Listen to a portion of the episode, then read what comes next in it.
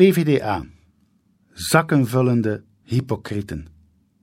Een podcast door Europees parlementslid Tom van Driessen. Nooit waren politieke partijen in België rijker dan vandaag. Het vermogen van de politieke partijen in België is in 2021 gestegen tot 157 miljoen euro. Maar liefst een verdrievoudiging in 20 jaar. Jaarlijks ontvangen de politieke partijen in België 75 miljoen euro subsidies. Dat is twee tot vier keer zoveel per kiezer als in onze buurlanden. Terwijl gewone mensen het steeds moeilijker hebben om de facturen te betalen, baden politieke partijen in de miljoenen. Ondanks de schijnbare consensus om dit te hervormen, komt er buiten symbolische maatregelen om de tribune te sussen eigenlijk nooit iets van. Er zijn te veel belangen mee gemoeid. Om het Belgisch systeem in stand te houden, zijn systeempartijen nodig, die het omgekeerde doen van wat het volk van hen verlangt. Zij leven bij gratie van deze partijsubsidie. Zelfs als de kiezer ze keer op keer afstraft, blijven ze daardoor toch overleven. Particratie vervangt zo democratie. Tot eind jaren 80 van de vorige eeuw bestonden er bijna geen partijsubsidies. Partijen dienen zichzelf te financieren.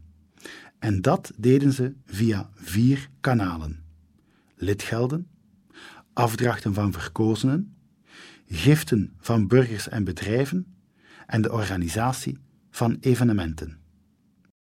Vooral door het systeem van fiscaal aftrekbare giften en sponsoring van evenementen konden burgers en bedrijven politieke invloed letterlijk kopen. Dat leidde tot tal van corruptieschandalen. Niet exclusief, maar toch vaak in de socialistische politieke familie. Daarom besliste men private financiering van politieke partijen te vervangen door publieke financiering. Zo wou men het kopen van politieke invloed en corruptie aan banden leggen. Bij de verkiezingen van 1991 haalden de traditionele partijen, christendemocraten, liberalen en socialisten, nog twee derde van de stemmen in Vlaanderen. Dat halveerde sindsdien. Aangezien partijsubsidies worden toegekend aan de hand van het aantal stemmen, hadden die systeempartijen dus een probleem. Dus werden nieuwe bronnen van inkomsten gezocht. Na de Kamer volgde het Vlaams parlement met subsidies, dan de Senaat, de fracties en zelfs de provincies. Ook werd het vast forfaitair gedeelte van de partijsubsidie verhoogd en het variabel gedeelte dat afhangt van het aantal behaalde stemmen verlaagd. De totale partijsubsidie steeg na elke verkiezingsnederlaag van die systeempartijen. Het schrik voor de kiezer en het verder verlies van subsidies houden nu zelfs nog maar één keer om de vijf jaar verkiezingen, wat de verkiezingsuitgaven voor partijen reduceert en de inkomsten garandeert. De particratie heeft zo zichzelf beschermd tegen de kiezer en de financiële gevolgen van een verkeerde partijkeuze. Maar dat heeft paradoxale effecten. Partijen als het Vlaams Belang en N-VA vertegenwoordigden in 1991 zo'n 20% van de Vlamingen en nu al bijna 50%. Dat heeft dus ook financiële gevolgen via de partijsubsidies en voor de systeempartijen ongewenste politieke gevolgen.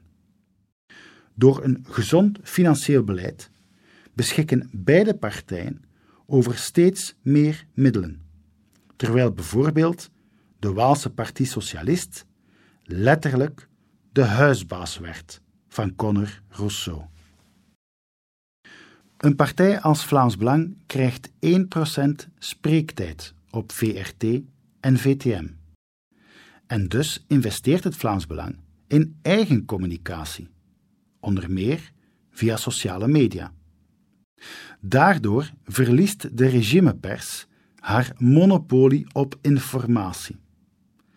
Dat is dus bedreigend voor de controle van het systeem over de samenleving.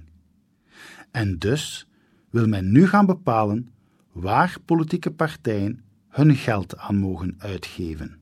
Lees socialisten zoals Magnet en Rousseau of groenen zoals Calvo willen verhinderen dat het Vlaams Belang nog rechtstreeks met de burger kan communiceren op sociale media.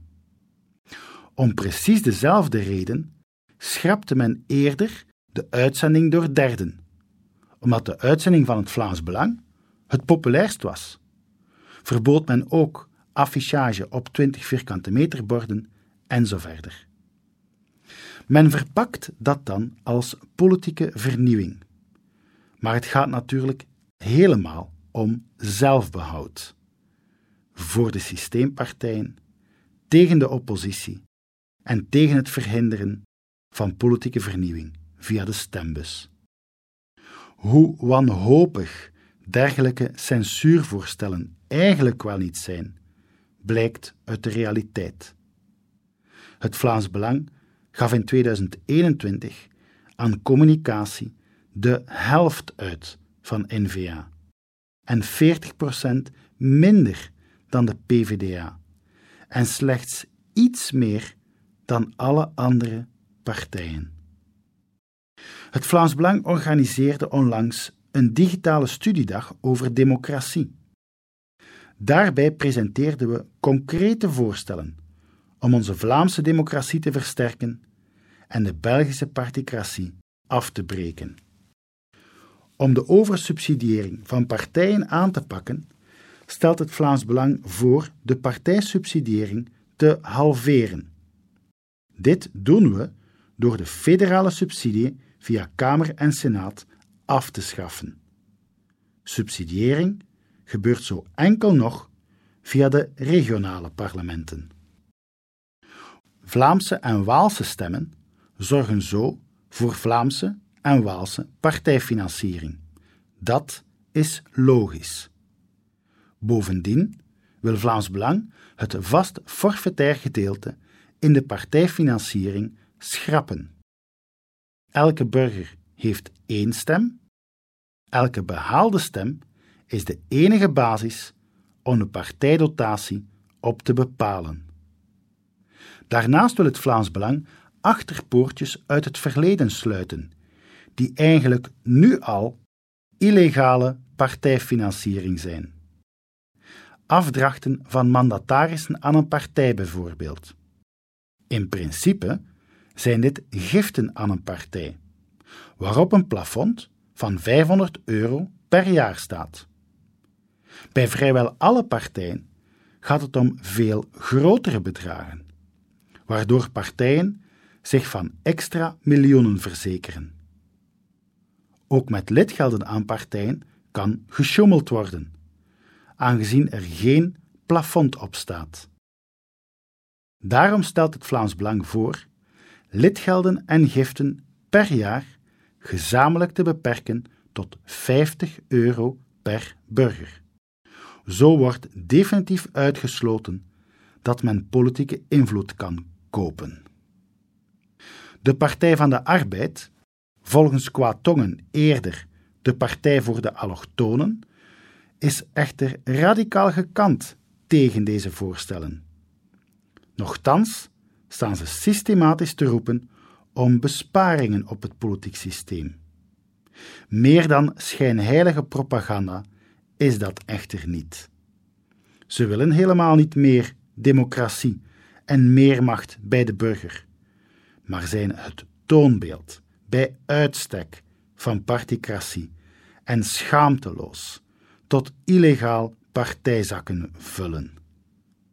Zo legt het politbureau van de PvdA beslag op nagenoeg het volledig salaris van de verkozenen.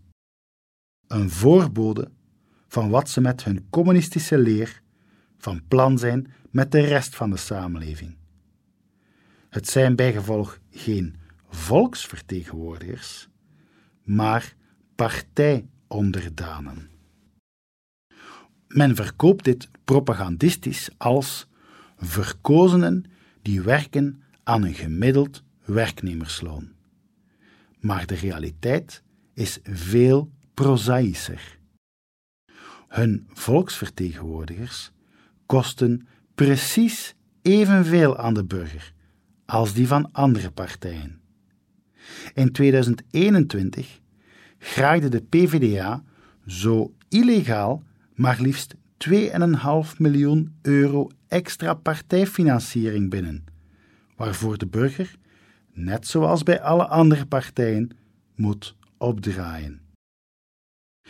Vroeger moesten zelfs ook gewone partijleden hun volledig salaris aan deze partij afstaan. Daar zijn ze wat minder sectair in geworden, maar nog steeds perst de PvdA in 2021 meer dan 2 miljoen euro uit lidgelden.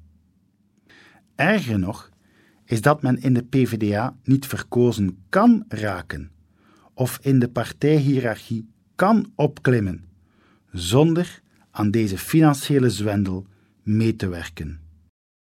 Dat heeft van de PvdA een miljoenenbusiness gemaakt, met een vermogen dat op amper twee jaar na de verkiezingen verdubbelde tot maar liefst 11 miljoen euro. De PvdA wil helemaal niet besparen op het politiek systeem. Ze willen graaien wat ze kunnen als ze volgens hen te weinig krijgen, van overal en op gelijk welke wijze dan ook, in kluis op illegale wijze. De linkse hypocrisie is dan ook hemeltergend. De enige partij die ernstige en concrete voorstellen heeft om te besparen op het politiek systeem is het Vlaams Belang.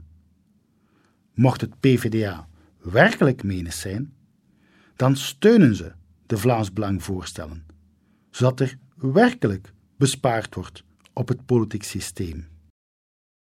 Maar ze doen precies het omgekeerde. De PvdA stemt systematisch tegen onze voorstellen om te besparen op het politiek systeem, omdat ze niet willen dat er bespaard wordt, en al zeker niet op hun eigen partij.